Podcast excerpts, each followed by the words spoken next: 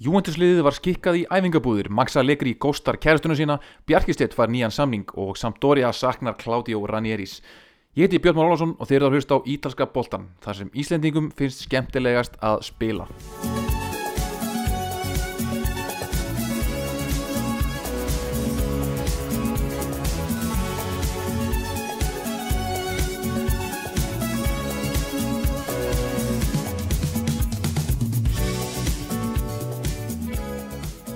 Benvenuto og verið velkomin í glæni að þátt af ítalska boltanum þar sem Íslendingum finnst skemmtilegast að spila.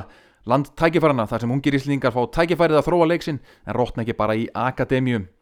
Og þessi þáttur er í bóði Origo sem fyrr Origo fyrirtækið með umhverfisvænu tölvuskjáuna sem vernda augun gegn skjáþreitu og augnþurki og ef þú ert að sjá um jólagjafir fyrir fyrirtækið þitt kíktu þá á origo.is í netverslununa og fáðu hugmyndir að mögnuðum jólagjöfum fyrir þitt starfsfólk. Það skiptir máli að velja umhverfis vænt nú það eru stórar fréttir af Íslandingum á Ítalíu sem við skulum bara byrja á áður við förum í já, gengið í serju A, serju B, serju C og í kvennaboltanum. Og þessar stóru fréttir auðvitað það er að Bjarki Steit Bjarkason, leikmaður Venezia, er búin að skrifa undir þryggjára samning við Venezia með möguleika síðan á einu ári í viðbót Hann skrifaði undir samningin í síðustu viku og greindi frá því að hann var í mjög sáttur með dvölsina hjá félaginu og hann teldi Venezia að vera réttan stað til að þróskast áfram sem leikmaður. Bjarki er búin að vera fastamæður í Hóp Venezia á tímanbylunu en á enn eftir að spila sínar fyrstu mínútur fyrir félagið en sannkvæmt mínum heimildum þá er planið það að hann farið á láni til þess að fá að spila núna líklegast í januar og kemur þá bæði til greina Serie B og Serie C.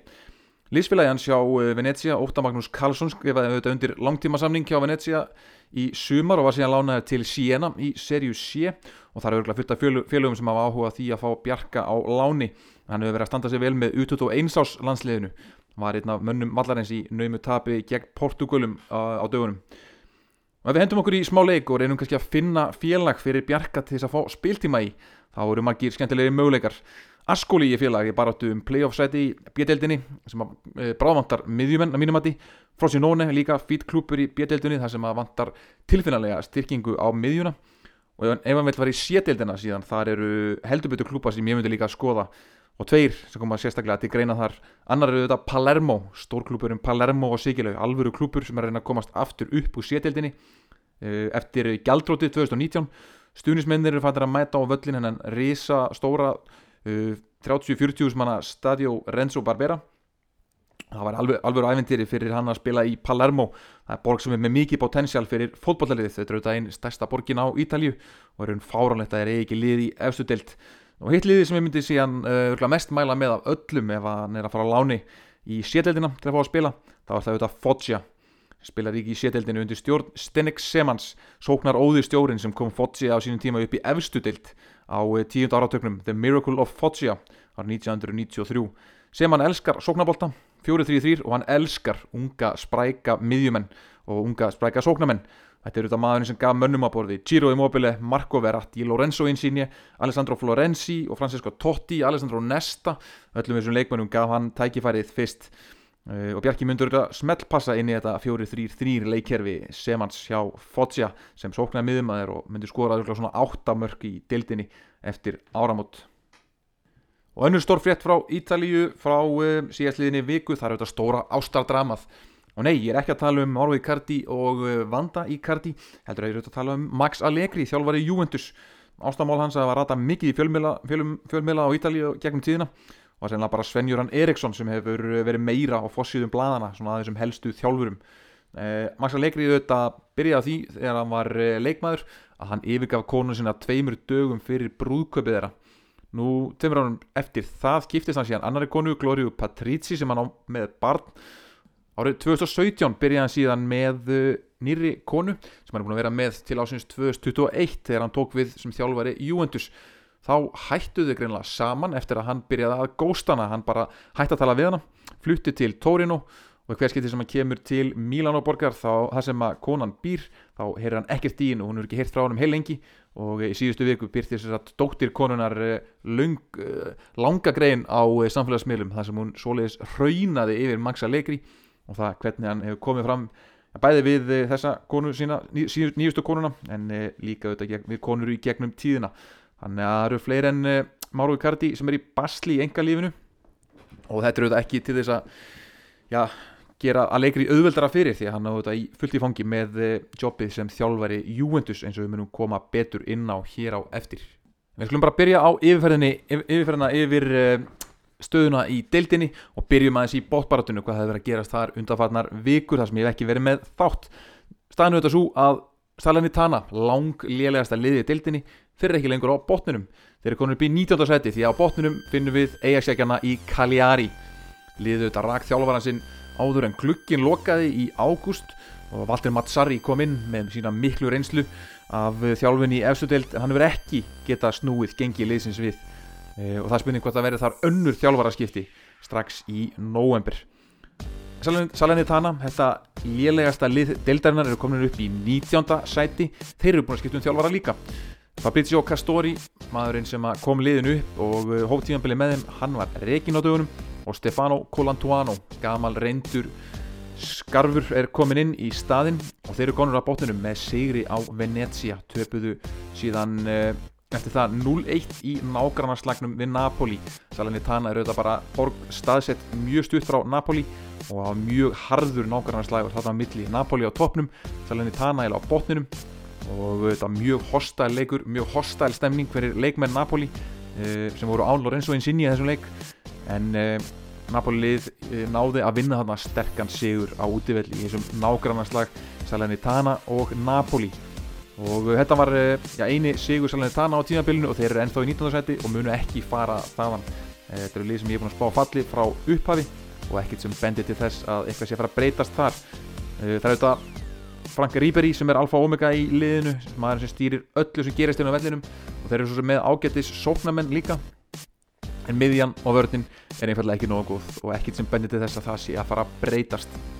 Og í átjóndarsæti og í síðasta fallsætinu er Spezia sem er uh, svona ásamt Granitana með lélægasta hópin í dildinni uh, Tiago Motta þjálfari hann er á síðasta séns sangant í törskum fjölmjölum getur verið reiki núna eftir, uh, já, eftir næsta tapleik liðsins. Þeir að spila fínan fókbalta og voru að ná í svona áhugaverð úsliti í byrjun tíðanbils en nú er þeir fattin að fá skelli inn á milli. Þeir eru komin inn í neikvæðan spíral og er að tapa stórt. Þau byrju 4-0 fyrir Verona þau byrju 3-0 fyrir fyrir um tína uh, og þeir ekki fara að líta vel út hjá uh, Spezia. Og þeir lítur bara hrigalega illa út fyrir öll liðin frá Ligúriu hér að þeir Spezia, Fiorentina og uh, Sampdoria. Þau eru öll frá uh, sama svæðinu, Liguria. Og uh, Genoa er í 17. sæti. Aðeins unnið 1 leik og þeir hafa núna leikið 8 leiki án sigurs en eru með 5 jafntefni þannig að þeir eru að salla inn einu og einu stí þjálfarinn Davide Ballardini maðurinn sem kemur alltaf inn á hverju áru og bjargar liðinu hann er líka sagði að vera nálátt í að missa starfið sitt. En ef við þekkjum Genoa rétt þá ef hann verður reygin þá er hann mættur aftur undir lóktíðanbils til að halda þeim uppi. Hann er sérfræðingur í því að halda liðin uppi. Gengur alltaf verð þá, en alltaf þegar hann byrjar tímabil með liðin, þá er hann reygin og það stefnir allt í það. Því að Genoa konum með nýja bandarinska eigendur, konum með peninga þeir vilja ekki fara niður í bjettildina og þurfa að vinna sig aftur upp. Þannig að það er líka hægt að búast við að það væri keiftir leikmenn og hópurinn styrtur í uh, janúar Nú í 16. seti, rétt fyrir ofan uh, fallseti líka Venezia, Íslendingarlið okkar Venezia þar sem okkar menn Bjarki Steinn og Arnur Sig eru fastir á begnum Arnur Sigursson þetta var mittur hérna í september-oktober en er komin úr meðslum og spilaði hálftíma í eh, tableik gegn Sassuolo 3-1 uh, á meðan Bjarki var á begnum uh, það er ágefni að Arnur Sig ekki að spila meira sérstaklega vegna þess að vinstri kantmaði liðsins Dennis Jónsson og kannski besti sprækasti sóknarmæðið þeirra hann er mittur og er búin að vera mittur í tvær vikur og, virðist verið eitthvað mittur áfram. Eh, þannig að leðilegt að þegar minnst er kantmannin sem yttur að það sé ekki Arnó sem að kemur inn og að fá þá meiri spiltíma. Maður hefði haldið að það myndi þá fá, fá tækifærið. Menn þetta séu að fara að spila betur og betur. Það er komið meiri struktúr á liðið. Þeir eru ekki að fá neina stóra skelli. Þetta eru allt jafni leikir. Þeir eru inn í öllum leik, leikum og, en þeir verða að fara að sækja fleiri stig og hætta þessum, þessum klauvagangi sem hefur aðeins verið á varnalegnum inn á milli. Nú eins og segi síðasta lið í uh, því sem ég vil kalla fallbaratunni það er Sampdoria, hitt lið frá Genoa og uh, það kannski sína sig hvað Claudio Ranieri var að gera frábæra hluti með þetta lið síðustu tvö ár því að uh, liðið er í tómu bastli og hefur að tapa leikjum og tapa leikjum samfærandi. Það er þetta mikið ágefni fyrir þá líka Mikkel Damskort, danski spræki í sóknarmæðin sem slóði gegn á EM í sumar og var frábær eftir áramóti fyrra. Hann er, já ekki bara mittur, hann er eitthvað veikur. Fekk einhverja heftalega síkingu og er búin að vera frá núna í nokkra vikur og uh, er ekkert að fara að mæta aftur strax. Og ungi leikmaðurinn sem að þeir fengur lánaðan í sumar til þess að svona létta af Mikkel Damskort, maður sem áttur svona á svona að taka við af honum þegar framlega stundir sem heitir uh, Í Hattaren Hollendingur kom frá, uh, var giftu til Juventus og Juventus lánaði síðan til Sampdoria.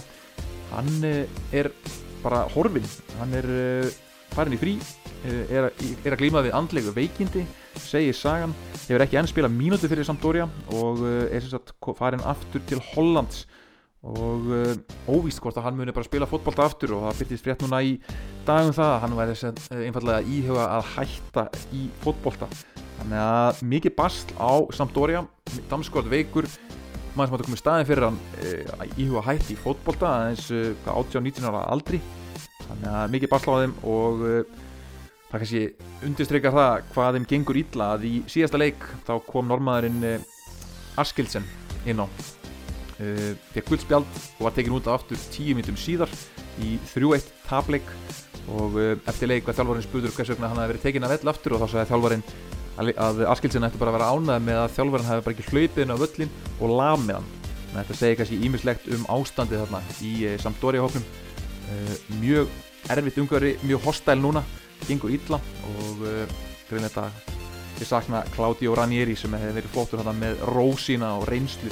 Það er ekkit vesen verið á liðinu þá. Við skulum fara þá upp í miðjumóðið sem ég vil kalla það og þar eru við þetta með Udinese enn eitt tímabilið þar sem Udinese ætlar að sigla leiknan sjó án þess að vera að gera nokkuð spennandi hlut.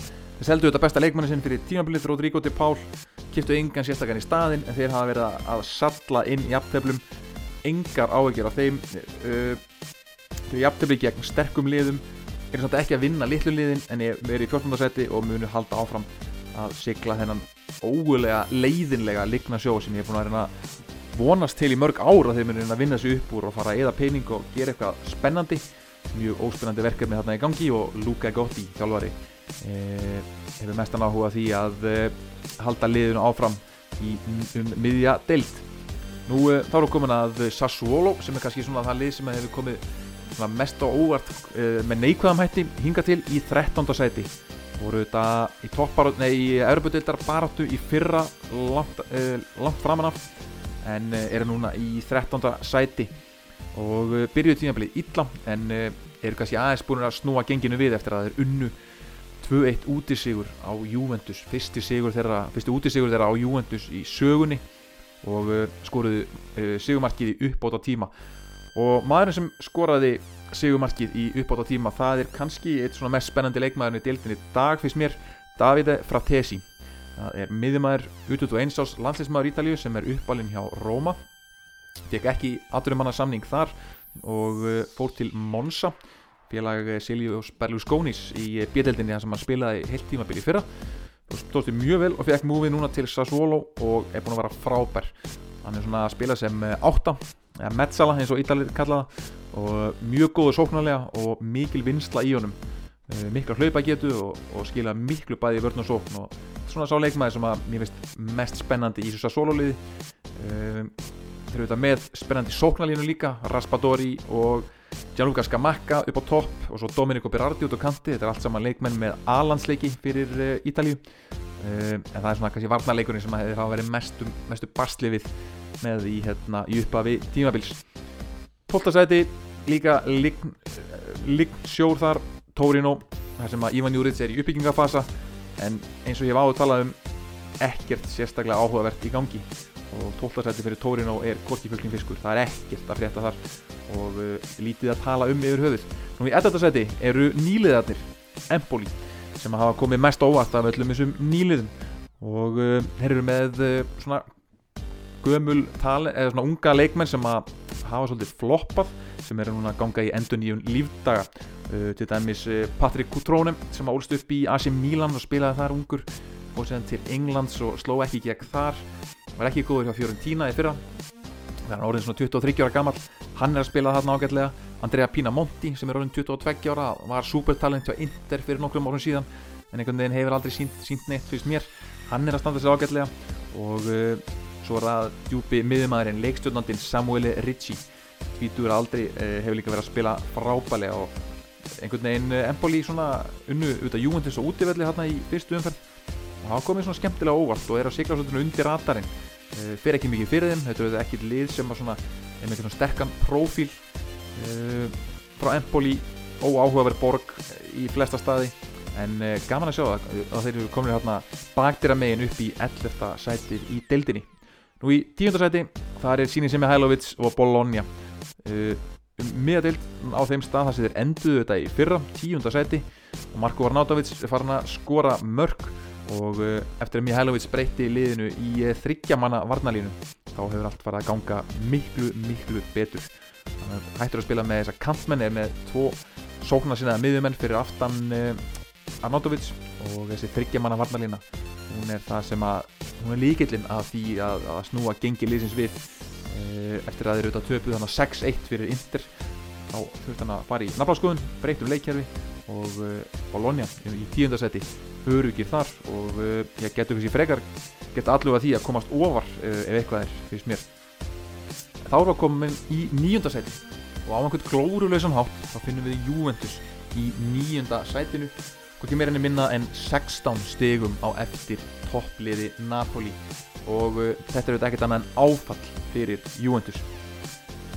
Gazetan slæðir upp stríðsfyrirsögn eftir stríðsfyrirsögn og eftir síðast eftir uh, núleðina helgi þar sem að liði tapaði 2-1 fyrir uh, Hellas Verona. Þá var liði skikkað í æfingabúðir og átt að vera í æfingabúðum alla þessa viku uh, sem er svona kallað retiro í ítölsku. Þetta er mjög algengt þegar lið þegar liðum gengur ítla að þá ákveði fósutun að þurfa að fara í svona lockdown. Og liðið ofta var senda á, á fjallahótel upp í Ölbónum og uh, engin samskipti við umheiminn jafnvel uh, fjölmjölabann og uh, þetta er það sem að Juventus menn ætluð að gerði núna eftir þennan tableik gegn Hellas Verona. 15 stigum og eftir toppliðinu. Nú eftir svo spiluðu leik í mistarleitinni það séð unnu 4-2 og eftir þann leik ákvað fósutin að aflétta þessu þessum æfingabúðum þannig að leikmenn fá að fara heim og hitta fjölskyldunum sína aftur fyrr en áallat var. En það er krísa þannig og að Legri er í miklu basli með að finna liðið sitt. Uh, og það eru sérstaklega fimm leikmenn sem að uh, hafa valdið vonbröðum og sem að Legri er gríðarlega ósáttur með. Fimm leikmenn, það eru Moise Keane Rodrigo Betancourt Braslimar Artur, Dejan Kulusevski og Alvaro Morata. Og uh, Gassetan byrti mynd af þessum uh, fimm, þessum fimmenningum uh, og stóra mynd af, af uh, Maxalegri í dómarabúning þar sem hann segir J'accuse, eða ég ákæri ykkur fimm. Þetta eru þeim fimm sem hann vil halda segja séu ábyrgir fyrir gengi liðsins. Nú það eru þetta margt annað margt að gengi liðsins. Hann finnur ekki leikjörðu sitt þeir er að spila illa þeir eru ekki bara get ekki skora mörg eða kunni ekki að verja heldur við bara almennt uh, að spila gríðala illa. Og uh, það er kannski það hvaða leikri er hugmyndasnöður það er það sem að ítalski fjölmir hafa verið að tala um.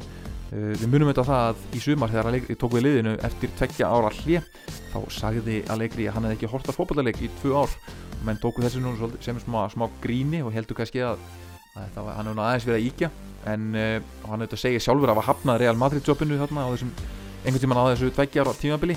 En e, þetta lítur bara þannig út að hann hafi ekkert verið að e, horfa fókbalta þessu tvö ár og hafi ekkert uppfært sig sem þjálfari. Og þessar lausni sem hann er að leita af hann er að prófa að gera það sem virkaði fyrir 2, 3, 4, 5 árum síðan. Geta varnaleikin farið þryggjaman að vörð, það virkaði ekki þá prófar hann 4-4-2 svona back to basics það gengur ekkert upp og margir leikmenn sem að vera að spila illa. Uh, eini maður sem er einhvern veginn með lífsmarkið þarna virðist vera Pálo Dybala sem var auðvitað frábær í mestaldinni núna í vikunni og síðan hefur Federico Chiesa líka átt ákveðt í spretti inn á milli. En uh, mikið áhugjefni og það spurning líka hvort að títillin sé ekki bara farin fyrir Juventus 15 stig eða 16 stig upp í Napoli. Uh, þetta er sennilega orðið og mikið 10-15 stig mögulega en þeir verður komin yfir yfir 15 stígin og auðvitað er ekkert enn komnir úr þessari krísu sem þeir í þá uh, held ég að þetta sé bara búið fyrir Juventus og þeir þurfa meira bara einbetað sig að því að komast upp í meistardöldasæti því að það væri kreppa fyrir Juventus ef þeir komast ekki í meistardöldina á næsta ári. Við erum auðvitað eftir því að þeir ætlu verið að koma sér í þess að overtilt uh, til að þurfa einhvern veginn ekki að kvalifæja inn í meistarlutina hverju ári þetta hafa þetta á þeim tíma þegar þeir voru besta lið en núna eru þeir ekkit annað en lið í nýjunda sæti sem er þetta skandal fyrir Juventus. Nú í áttundasæti finnum við einmitt Hellas Verona sem að unnu Juventus 2-1 um helgina. Fyrir ákveð þjálfarnar sinni eftir þrjáður umferðir í uppafæði tíðanbils Eusebio Di Francesco fekk að fjúka og innkom gamli Juventus leikmaðurinn Igor Tudor kroatíski varnamæðurinn og hann hefur snúið öllu við. Liðið fara að spila stórkostlega fókbalta Giovanni Simeone, sonur Diego Simeone þjálfar allík á Madrid. Hann er fann að skora mörg hann er auðvitað í mörg var búin að vera frábær framherri að öllu öðru leiti nema hann skoraði engin mörg en nú er hann fann að skora mörg skoraði uh, tvö á móti Juventus. Uh, þar áður uh, skoraði hann fjögur mörg í einum leik fyrir sagt, þremur umfyrir síðan. Hann er sjóðandi heitur og skemmtileg sóknarina með hann og svo er hann með fyrir aftan sig þá Gianluca Caprari og frá heiti að tjekka frá EM í sumar Antonín Barak. Stór skemmtileg sóknarina og mjög flottu hópaldi sem Verona er að spila. High intensity kraftfóbalti og svo eru þetta með frábæra stuðnismenn og uh, á mikil stemning á uh, Bentegóti vellinum þegar Hellas Verona vann Juventus þarna um helgina stór sigur fyrir Hellas Verona sem eru bara kominir í barátu um Evrópusæti. Nú í sjöndasæti eru við með Fiorentina og það snýst allt í Flórens um eitt mann Dusan Vlahovic sem eins og við grindi frá í síðasta þetti hefur ákveðið að semja ekki aftur við Fiorentina heldur mun yfirgefa liðið í janúar eða í e, e, næsta sumar. En Vlahovic gerði sér lítið fyrir og setti þrennu um helgina í 300 seri liðsins á Spezia.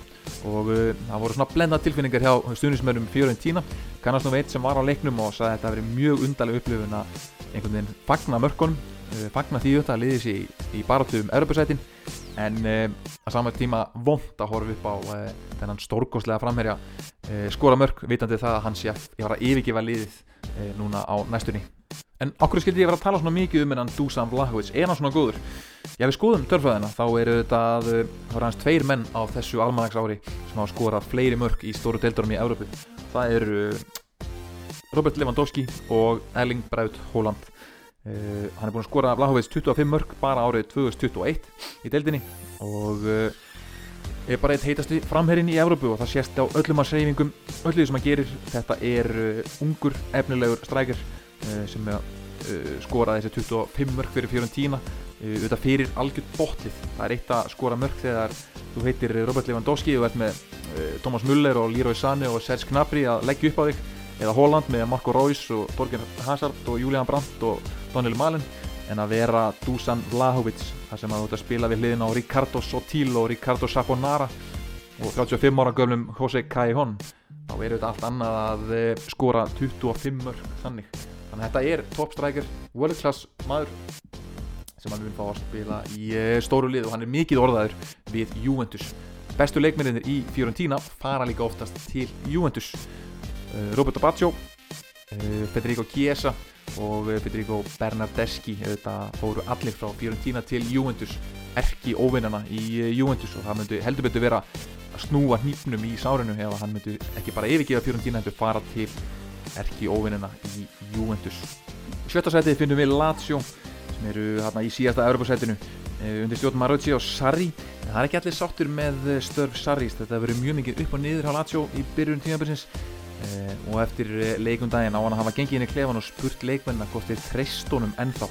Þetta er þetta aldrei gott tá þegar eh, þjálfurinn þarf að gera þetta. Unnum vindir og fjórum tína töpuðu síðan 3-0 fyrir Bologna, fjögur ekki gegn Hellas Verona.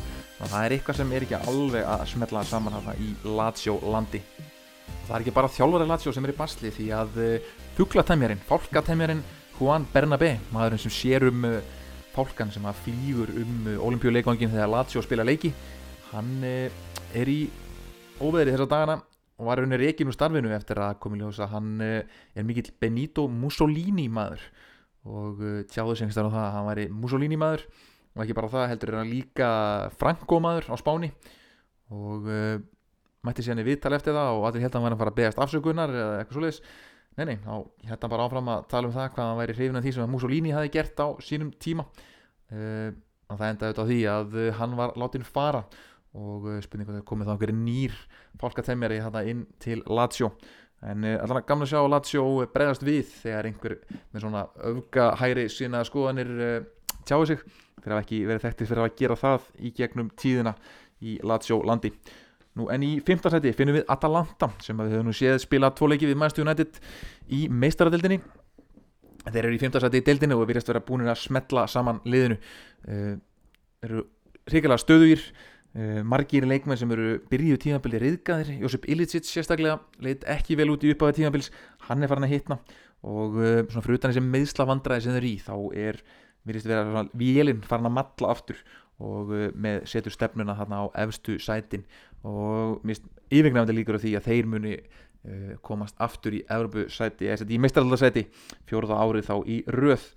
Eins og þeir eru miklu, miklu meisla, meisla vandræðum sérstaklega í varnalínunni sáðan það í fyrirleiknum motið maðurstuðunætið þar vantaði sex byrjunleismenn og meðal hans vanta báða bakverðina. Uh, Hans Hattebúr hólenski landsinsmaðurinn og uh, síðan hérna Robin Gossens, vinstri bakverðin í Þýskalandsliðinu.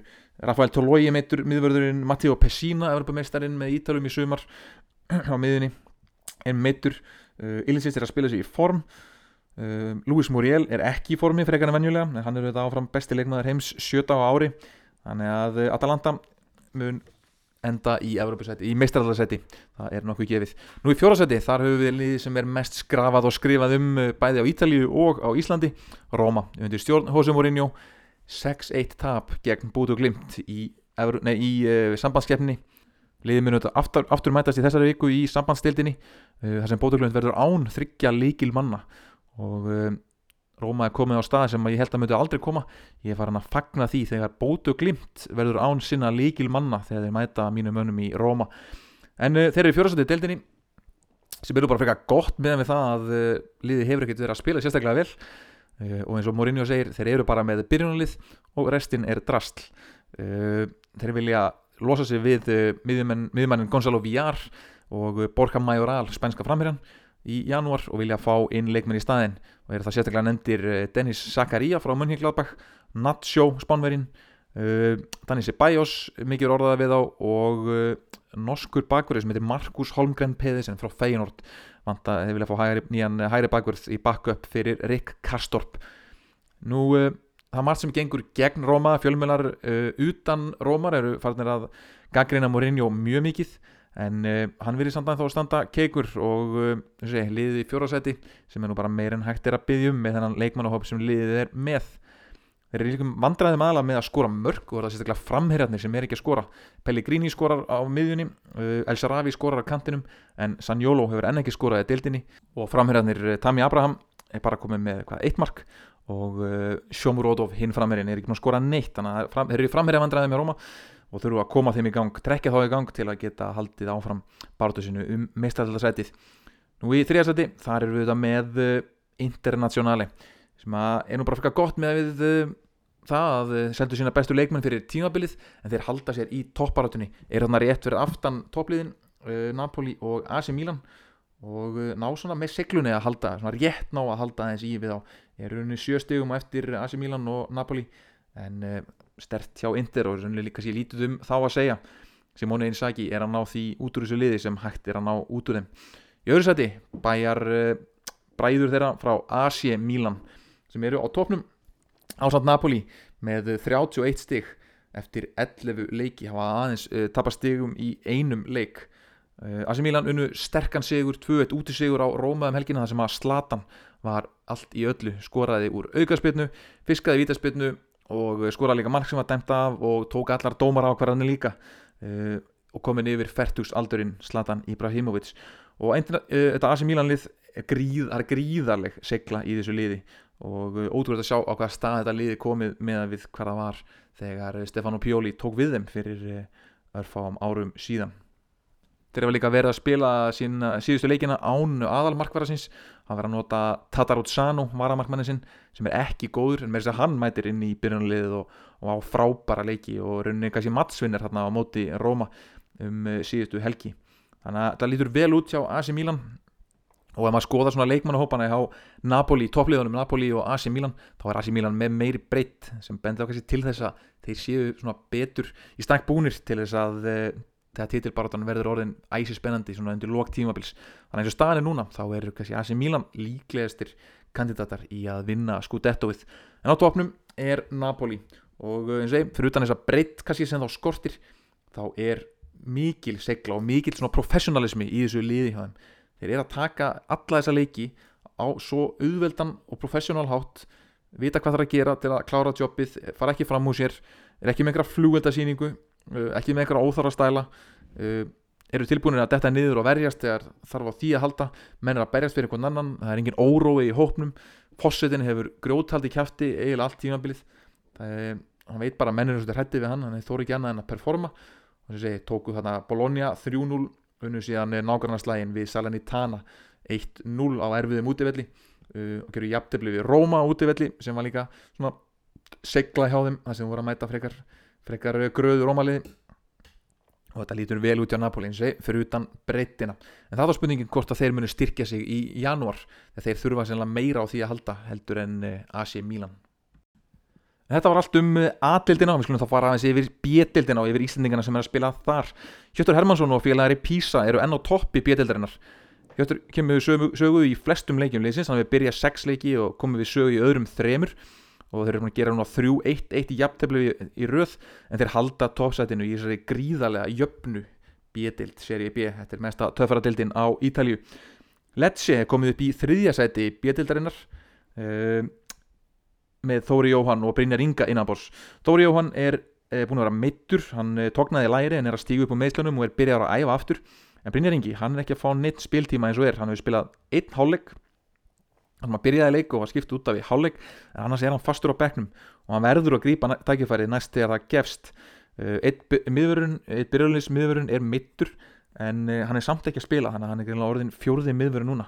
Þetta er fljótt að breytast í uh, mjög háaldraðari varnalinu og í þjættu leikjarhólkami í, í serju B þar sem allt getur gest og síðan eru þetta allt playoffið eftir ef að letsi endar þar Þóri Jóhann auðvitað er að koma úr meðslum hann er búin að byrja þrjá deildalegi og eitt byggaleg og við komum inn á í nokkrum leikjum líka þannig að hann er svo sem er að spila þarna og verður núandi búin að ná sér fyrir leikin um helgina sem er eiga gegn stórliði Parma, Gianluigi Buffon og heilugum Þóri Jóhann byrjaði mitt eh, byggalegin sem að Lecce spilaði gegn Parma og þar vann Lecce 3-1 þannig að e, ef þjálfvaran hefur, eitthvað lært þá verður Þóri Jóhann í startinu þar.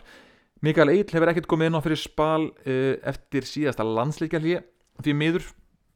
Það fara vonandi tækifæri bráða með spal sem er líka bara í barátunni um uh, umspilsætið í serju B. Í sétildinni er Óttar Magnús farin að spila meir og meira og hann er búin að starta í tveimur leikjum í deild núna. Uh, aðalstrækjarinn, maður, maður sem startaði í byrjun tímabilis uh, gamla Swansea legendið Alberto Paloski hann er mittur og Óttarinn er vonandi að negla byrjunlega sætið núna á meðan. Annar skemmtilegur liðsfélagi Óttars er auðvitað kantmaðurinn Stefano Guberti 31 ás gammal leikmaður sem var eins og kallaður Cristiano Ronaldo serju B þegar hann leik með uh, Ascoli fyrir mörgum ára síðar. Hann var síðan keftu til Róma í aðeldinni þeir ætlaði að kaupa hann nýja Cristiano Ronaldo. En það gekk ekki, hann spilaði sjöleiki og fóð síðan aftur inn í neðri deildirnar. Og það sem hann hefur verið að spila síðan en skemmtilegu kantmaður Stefano Guberti.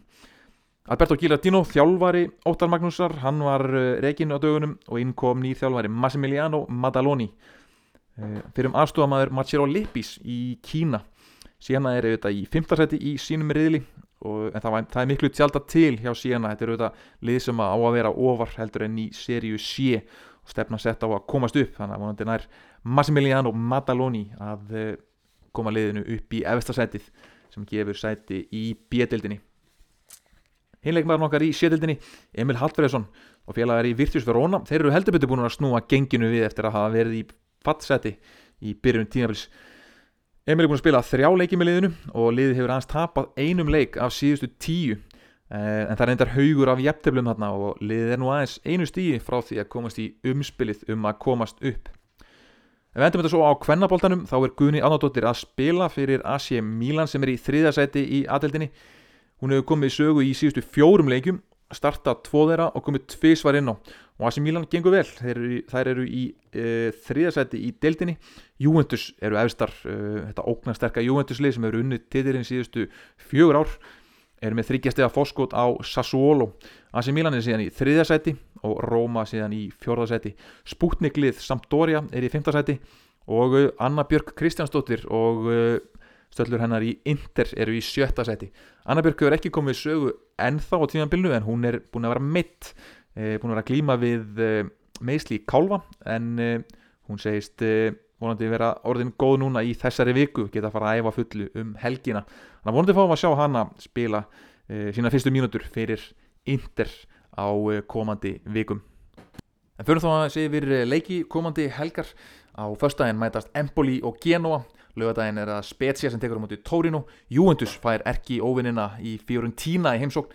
Cagliari mætir Atalanta og á sunnudaginn mætast svo Venezia okkar menn gegn Róma í háttegisleiknum Sampdoria mætir Bologna. Udinese fær Sassuolo í heimsókn. Lazio mætir Salernitana. Napoli og Verona mætast. Og síðan er það borgarslagurinn Derby della Madonnina. AC Milan Internazionale á sunnudags kvöldið 7. november Því miður eru þessi leikir ekki síndir í íslensku sjónvarpi því að ítalski boltin eru þetta heimilislaus rétt eins og spænski boltin Ég veit um tvölönd í heiminum þar sem ekki síndur ítalskur fókbolti það eru Norður Kórea og Noregur. Það eru þau lönd sem við viljum líka okkur við þegar kemur að fótbolta umræðu við erum, auðvitað ekkit annað en þróunaríki þegar kemur að fótbolta umræðu á Íslandi sem hvorki sínum ítalskan nýja spænskan fótbolta. En reynum með tónlistinni að enda þetta aðeins á léttu nótunum. Ég hveða sinni, við heyrumst aftur í næstu vikun verið sæl Sarà perché io dondolo, saranno gli occhi tuoi che brillano, ma vedo mille, mille, mille lucciole venirmi contro insieme, insieme a te. Guarda come dondolo, guarda come dondolo con il twist. Con le gambe ad angolo, con le gambe ad angolo ballo il twist. Le ginocchia scendono, le mie gambe tremano, forse sono brividi, brividi d'amore. Guarda come dondolo, guarda come dondolo con il twist. Con le gambe ad angolo, con le gambe ad angolo ballo il twist. Sarà perché io dondolo, saranno gli occhi tuoi che brillano, ma vedo mille, mille.